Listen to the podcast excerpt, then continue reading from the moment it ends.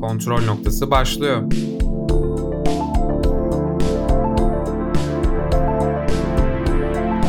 Hoş geldiniz. Kontrol noktasından herkese merhaba. Ben Görkem Öztürk ve bugün Volga Deniz Demirbağ ile birlikte Memento filmini konuşacağız.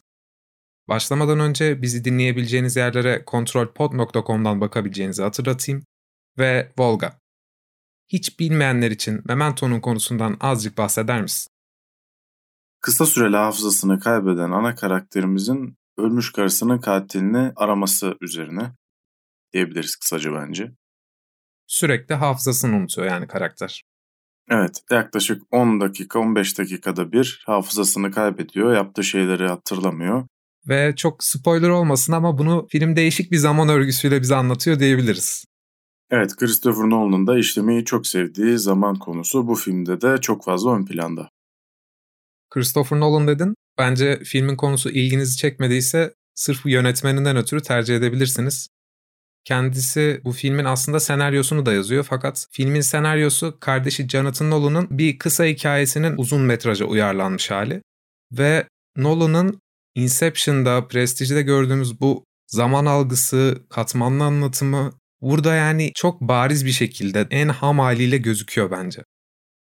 Evet, Memento'dan sonra yaptığı filmleri düşündüğümüz zaman gerçekten dediğin gibi Memento'da birazcık daha izleyiciye bırakılmış bir zaman algısı, bir genel olarak film algısı var. Ya Prestige yapıyor bundan sonra. Yok, Insomnia vardı. Ama Prestige misal normalde bir roman uyarlaması. Orada bile 130-140 kat varmış zaman algısıyla oynayan.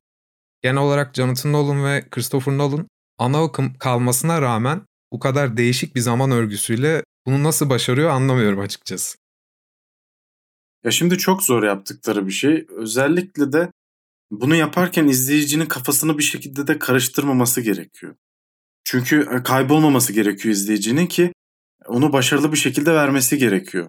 Bu noktada da iyi bir kurgu karşımıza çıkması gerekiyor ve kesinlikle çok iyi bir şekilde başardığını düşünüyorum. Ayrıca o kopmama için bazı şeyler de yapmış. Onu spoilerlı olarak konuştuğumuzda da değiniriz. Peki şeyi nasıl buluyorsun? Ya bu film 9 milyon gibi aslında bir Hollywood filmine göre düşük bir bütçesi var ve zaten Nolan'ın ilk patlama yaratan filmi. Bundan sonraki filmlerinde Inception'da, Interstellar'da görsellik çok önemli yani o kadar düşük bir bütçeyle yapamazsın. Ama bu yani iyi bir insan, iyi eğitim almış bir insan böyle bir filmi Türkiye'de de yapabilir. Demek istediğim şu, kurgusu ve hikayesi tamamen ön plana çıkıyor. Evet kesinlikle minimal bir film olduğunu söyleyebiliriz. Zaten filmi de izlediğinizde minimalden kastımı anlayacaksınız. Dediğim gibi hani gerçekten iyi kurgulandığı zaman çok da iyi bir senaryodan kötü bir filmde çıkmayacağı olgusu bence doğru. Peki o zaman spoilers olarak bir de oyunculuklara değinelim. Aslında Nolan nasıl ana akım kalıyor diyoruz. Fakat bunda bir oyuncu seçimlerinin önemi var gibi hissediyorum. Bu filmde 3 tane oyuncu ön plana çıkıyordu. Carrie Ann Moss, Matrix'ten tanıyabilirsiniz. Trinity. Guy Pearce ve Joe Pantoliano var. O da Matrix'te vardı. Oyunculukları genel olarak nasıl buldun? Bence oyunculuklar yerinde ya. Hani birazcık uç nokta gibi, birazcık kafasını karıştırmak istemiş aslında ama bu bilerek yapılmış. İzleyicinin kafasını belirli tiplemelerle karıştırmak istemiş. Şimdi spoilerlı kısımda daha net bir şekilde konuşuruz bunu. E, ben başarılı buluyorum ya oyunculukları. Seçimlerde bence gayet uygun. Ya ben Keren Moss'u çok beğendim. Onun hatta arabada tehditkar bir sahnesi var şimdi çok detaylandırmak istemiyorum ama sadece sabit durup o bakışıyla çok iyi aktarıyordu bence rolünü. Guy Pearce'ı çok beğenmiyorum ben bir tek bu filmde. Zaten o da çok bütçe düşük tutulmak için tercih edilmiş. Brad Pitt düşünülüyor demiştin sanırım ama zaten çok benziyorlar. Tip olarak baya benziyorlar. İlk tercih Alec Baldwin'miş ama Brad Pitt de düşünülmüş. Karen Moss yerine de hatta Angelina Jolie'nin de düşünüldüğü olmuş. Yok, Carrie Moss bence çok doğru bir tercih. Buna ben de katılıyorum. O zaman bu noktadan sonra spoilerlı konuşabiliriz. Genel olarak bu filmi öneriyoruz diyebiliriz ama son olarak. Kesinlikle. Şimdi bu noktada filmi kronolojik olarak anlatacağım. Film normalde sondan başa doğru gidiyor. daha kolay anlayalım diye bir normal zaman akışıyla anlatacağım. Siyah beyaz sahneler aslında otel odasında gördüğümüz Teddy ile telefonda konuştuğu Leonard'ın filmin en başı ve burada Leonard'ın kim olduğunu işte sigorta vesaire çalışan olduğunu öğreniyoruz. Semi karakterini öğreniyoruz. Bunlar bize anlatıldıktan sonra da Leonard otelden Teddy'nin yönlendirmesiyle çıkıyor ve Jimmy adında bir uyuşturucu satıcısını öldürüyor karısının katili sandığı için. Sonrasında bize şu bilgiler veriliyor. Aslında Sammy ve Leonard aynı kişiymiş ve Teddy karısına saldıran kişileri yakalayan eski bir polis memuruymuş. Bunu öğrenince Leonard amaçsız kalıyor ve hafıza sorunu gerçekten var bu arada. Teddy'yi isim benzerliğinden ötürü katil gibi kodluyor. Sonra tam bu sırada hafızası gidiyor. Dövmeci de kendine böyle Teddy için minik dövmelerle bir oyun kurarken cebinde Jimmy'nin kıyafetinden bulduğu bir not görüyor ve bara gidiyor. Natalie karakteriyle tanışıyor. Natalie bu durumu fark ediyor. Uyuşturucu işindeki diğer arkadaşlarını aradan çıkarmak için Leonard'ı kullanıyor. Sonrasında Leonard'a yakınlık hissediyor ve Teddy'nin isim benzerliğini buluyor. Leonard da Teddy'yi öldürüyor. Şimdi kronolojik olarak böyle ama film bize bunu sondan başa doğru izletiyor. Sen bunu nasıl buldun öncelikle? Açılış sahnesindeki Polaroid fotoğrafla sondan başa doğru gideceğinin ipucunu bir şekilde izleyiciye veriyor. Şimdi bu çok kaliteli bir başlangıç bence. Siyah beyaz sahneler muhtemelen yani günümüz filmde ve bütün film flashback izliyoruz gibi düşünmüştüm. Yani film muhtemelen son noktada o siyah beyaz yerlere gelecek. Karakter kimi öldürecekse öldürecek ve film bitecek diye düşünmüştüm. Tam tersi çıkınca aslında flashback değil biz koca bir film flash forward gibi yani çok akıllıca tam olarak flash forward da denmez ama ben bunu çok hoş buluyorum.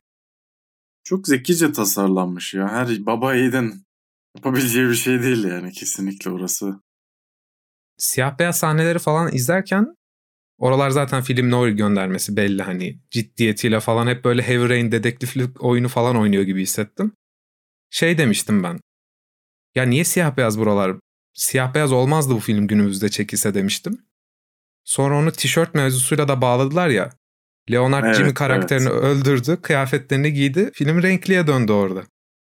Ya o, o kadar güzel bir detay ki bu kadar güzel geçişleri çok az görürüz filmlerde veya dizilerde.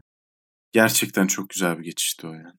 Ya biliyorsun onun olacağını o sahnede zaten biliyorsun ama ya ben tahmin ettim öyle bir şey geleceğini o sahne yaşanırken ama görmek başka başka bir şey yani. Ya şimdi karakterin hafıza sorunu var zaten. Bunu kurgusuyla bize izlettiriyor, anlatıyor zaten de. Şeye bile dikkat etmişler bence. İsimler bak hep birbirine benziyor. Lenny, evet, evet. Sammy, Jimmy, Teddy. Ya kafamızın karışması istenmiş. Telefonla konuştuğu sahnelerde falan da hiç ses gelmiyor anladın mı? Adamın kafasında mı kuruyor, deli mi bunları düşünüyoruz. Peki bir de misal sen şey demiştin ya.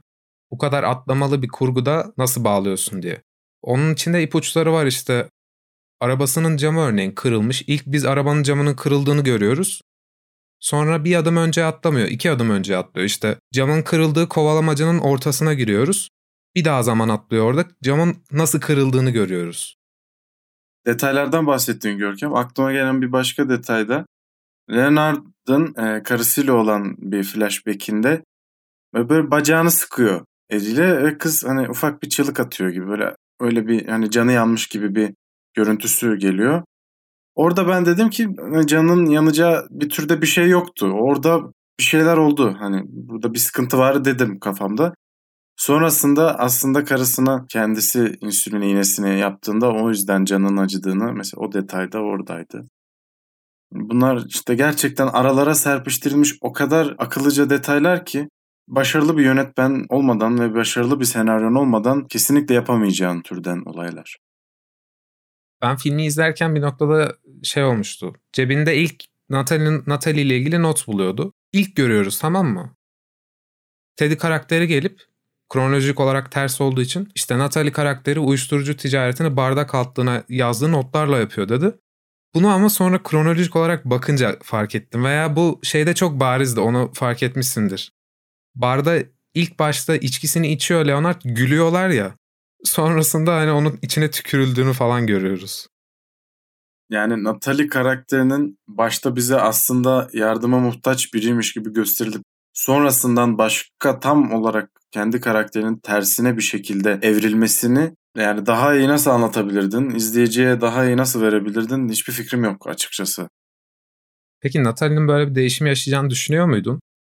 Başta düşünmüyordum. Kesinlikle düşünmüyordum çünkü inandım yani. Ki bunun da oyunculuğun da çok büyük etkisi var. Sonradan Natalie de Leonard karakterine bir yakınlık hissetti gibi düşünüyorum ben. Teddy'ye için yardım ettiğinde biraz duygusal bir şeyler de hissediyor gibi geldi ona. Evet evet bir yerden sonra duygusala bağlandığı iş ama sonuçta onun karakterini ve yaptığı şeyin kötülüğünü değiştirmez.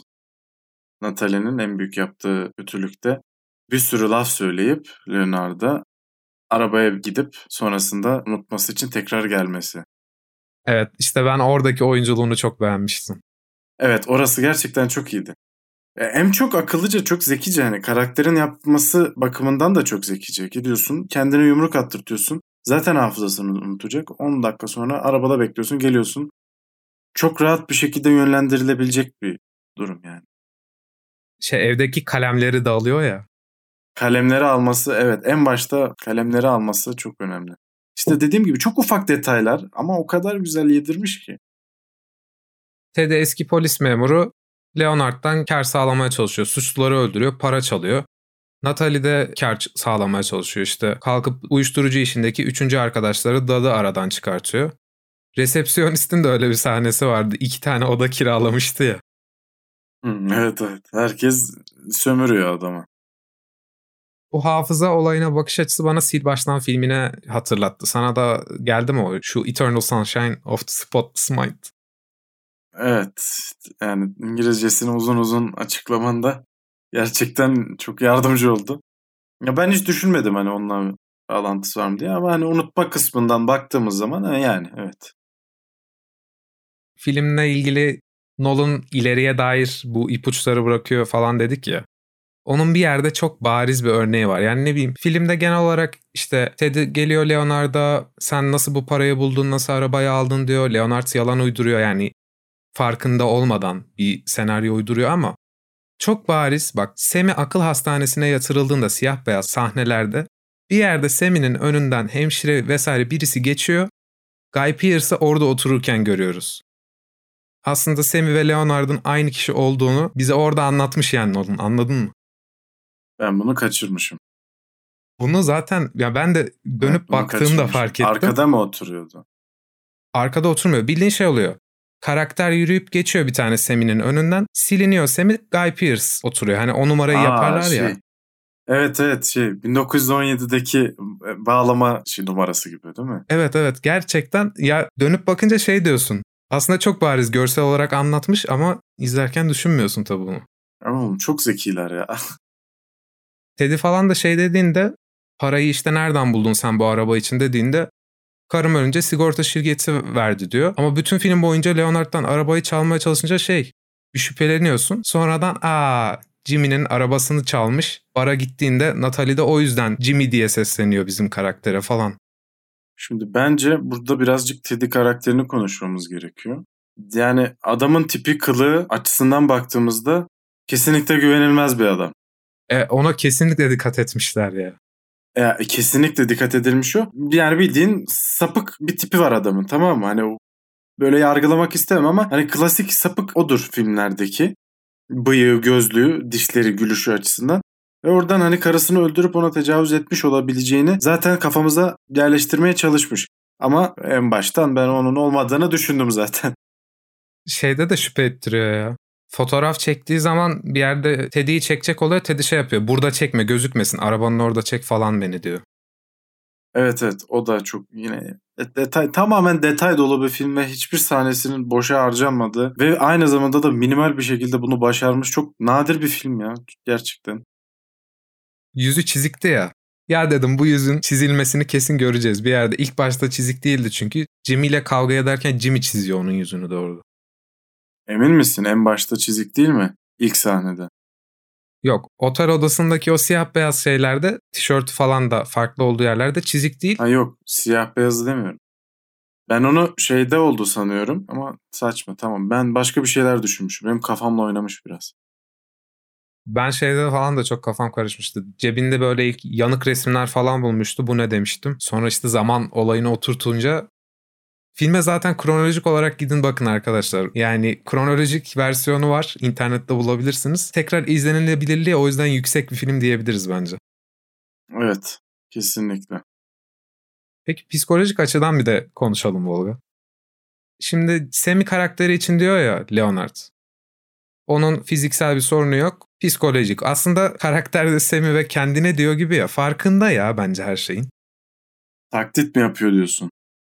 Genel olarak hani insanda kötü şeyleri unutmaya meyilli ya. Psikolojide öyle bir şey var. Hani dönüp ne bileyim küçükken ne güzeldi diyorsun. Hayır değildi. Küçükken de büyümek istiyorsun ya. Kendini psikolojik olarak bir arada tutmak için öyle bir yalanlar uyduruyor yani. Farkında bence. Yani kendini bir nevi baskılıyor. Kendini yani psikolojik terimler açısından konuşursak yeni başka şeylere koşullandırmaya çalışıyor ki geçmişte yaptığı şeyleri unutsun, kendine yeni bir amaç edinsin. Ya film bence zaten aslında bunu anlatmak istiyor. Memento tamam hatıra demek ama Jonathan Nolan'ın Memento Mori orijinal hikayesi ya. Anı yaşa. Biraz film anı yaşa demek istiyor çünkü Leonard böyle günlük hayatta bunu biz de çok yapıyoruz. Film senaryosuymuş gibi kendimizi böyle kahramanlaştırıyoruz. Bir şeyler uyduruyoruz işte. Bir yerde Leonard karakteri geliyor. Ne diyordu? Anılarımızda kendimizi var ediyoruz. Anılar güvenilmez diyor. İşte Natalie ile konuşuyorlar. Katili öldürürsen ne olacak falan diyor. O da dışarıda bir dünya var ama diyor. Hep bir üst amaç edinmeye çalışıyor. Şimdi orada tam o sahnede benim aklıma birazcık Platon idealar dünyası, Matrix tarzı yerlere gitti kafam. Çok fazla üstünde durmadılar ama orada benim aklıma o geldi. Onun dışında da insanoğlu yaşarken her zaman kendine bir amaç edinir. O amaca ulaştıktan sonra gider başka bir tanesini bulur. Bunun bir sonu yoktur çünkü doyumsuzuzdur. Aslında birazcık da bu da işleniyor bence. Karısının katilini bulmuş, öldürmüş zamanında. Ama onun karakter motivasyonu anladın mı? Gerçek hayatındaki karakter motivasyonu. Karısını o kadar kendini koşullamış ki karısının katilini bulmaya. Başka bir hayatı olmamış. Bütün hayatını ona yormuş. O amacını gerçekleştirdikten sonra da boşluğa düşmüş. O sayede Teddy'nin de bir nevi yardımıyla diyebiliriz sanırım buraya evrilmiş. Şey çok iyi değil miydi ama bak. Hani karakter kendini önemli bir kodluyor ya böyle şey yapıyor. Karımın katilleri onları bulmam lazım falan. Teddy şey diyor. Ha onlar mı? Onlar iki sıradan serseri ya. Onlardan bir yığın vardı sokakta. Onları yakaladık gitti diyor. İşte bize aslında başından sonuna kadar o kadar fazla Leonard'ın perspektifinden anlattı ki hikayeyi. Dışındaki bir şeyi aslında hiç bilmiyoruz. Aslında basit de bir olaymış hani. Basit değil tabii ki ama üstünden o kadar zaman geçmiş ve bu olaylardan o kadar fazla olmuş ki Teddy artık sıradan bir olaymış gibi bakıyor. Yani bu da bize işte perspektiften dolayı gerçekten öyle hissettirtiyor. Bak Teddy ölmeden önce de şey diyor. Git Bodrum'a e, bak da nasıl biri olduğunu gör diyor. Hani kahraman Sana kim gibi. olduğunu göstereyim diyor. Evet kahraman olduğunu düşünüyor ama aslında değil karakter. Hani o senaryosu falan film senaryosu kafasında yok işte. Anı yaşaması lazım o yüzden. Neden Bodrum'a git diyor? Jimmy'nin cesedini göstermek için. Ha Jimmy'nin cesedi muhtemelen orada. Teddy de bu arada hiç iyi bir insan değil hani bu arada. Yok canım kesinlikle hiçbir insan değil yani. Aslında filmdeki kimse şu an bir düşünüyorum. Natalie karakteri de iyi biri değil. Hepsi gri karakterler. Tabii tabii o hep böyle ortada ama geneline baktığın zaman hepsinin içindeki karanlık taraf ağır basıyor bence. Karısının eşyalarını da yakıyor ya Leonard. Orayı nasıl buldun? Hani biraz farkında diyoruz ya o sahne bence en bariz örneği yani.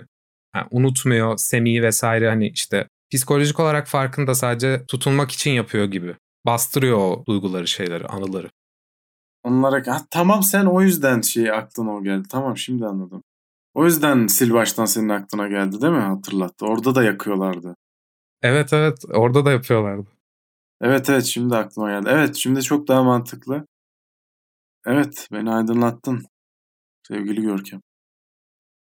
Orada böyle eşyaları yakıyor bir de şey diyor ya. O, o, o ara herhalde hatırlamış Leonard.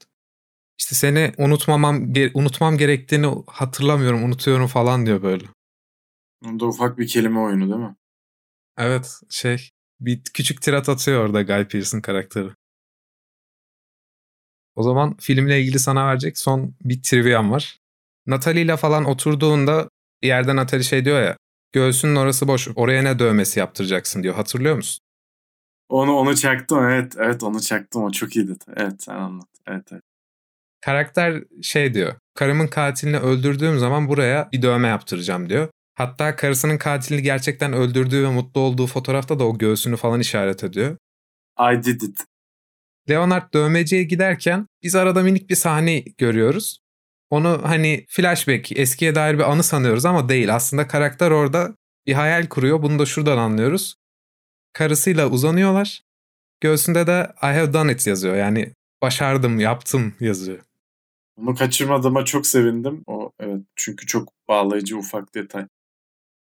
Detay detay detay. Yani film başka bir şey değil. Çok dikkatli izlenirse çok daha fazla keyif alınacak bir film. Bak hani şeyde diyoruz ya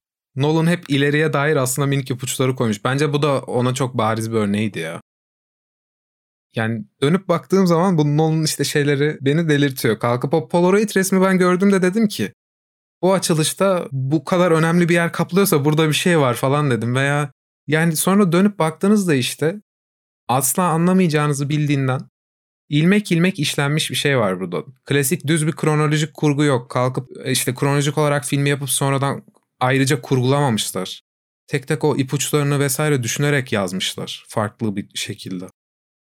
Şimdi o kadar zor ki aslında ters halinden bir kurgu yaratmak aslında yeni bir düz kurgu yaratmakla aynı şey. Yani onu dengelemen lazım. Dediğin gibi normal düz kurgulayıp tam tersini çevirip koyarsan olmaz çünkü. Yani kesinlikle hem havada kalır hem anlaşılmaz o aralardaki detayları ortadan ileriye, ileriden geriye o detayları çok zekice yerleştirmek lazım ki aynı zamanda düz bir kurgu yaratılması lazım kurgu diline oturtmak için. Tabii mesela ben şeyi gördüm. İnternette baktığım zaman insanlar biraz Semi karakteriyle ilgili kafası karışmış hani. Çünkü bir yerde diyor ki Semi sahtekardı diyor bulduk geçti diyor ama Guy Pearce'ın şey gerçek Semi'nin hikayesinde tam karısı öldükten sonra akıl hastanesinde bırakıyorlar. Guy Pearce de orada gözüküyor zaten bir iki saniyeliğine. Oradan sonra kaçmış Guy Pearce işte. Teddy karakteri ona kolaçan olmuş, yardım etmiş, kullanmış. Bunları anlatmıyor. Yani dönüp tekrar izlediğinizde siz anlıyorsunuz kronolojik bakınca. Evet Görkem. Sanırım çoğu şeyi konuştuk. Belki kaçırdığımız bir şeyler de vardır ama. Bence Memento filmiyle ilgili kesinlikle izlemeniz gerektiğini buradan sadece çıkarabileceğimiz bu anı yaşayın diyorum. bu kadar bu anı, bu memento mori'yi yaşayın. O zaman Volga bölümü sonlandırmadan sen de bir insanlara şarkı öner. Benim aklımda hafızayla ilgili bir şarkı var. Senin aklına da o mu geliyor bilmiyorum. Düşün bakalım. Peki bu Fight Club'da geçiyor olabilir mi? Evet. There is my mind. Evet. Sevgili Görkem. Yine birbirimizin aklını birbirimizin aklında okuduğumuz bir şarkı önerisi ve bölüm sonu deyip Placebo'dan Where Is My Mind şarkısını Görkem'le ortak bir şekilde önermiş olalım bu bölümümüzün sonunda da. O zaman Volga. O zaman Görkem. Bir sonraki bölümde görüşürüz. Görüşürüz. Kontrol noktası sona erdi.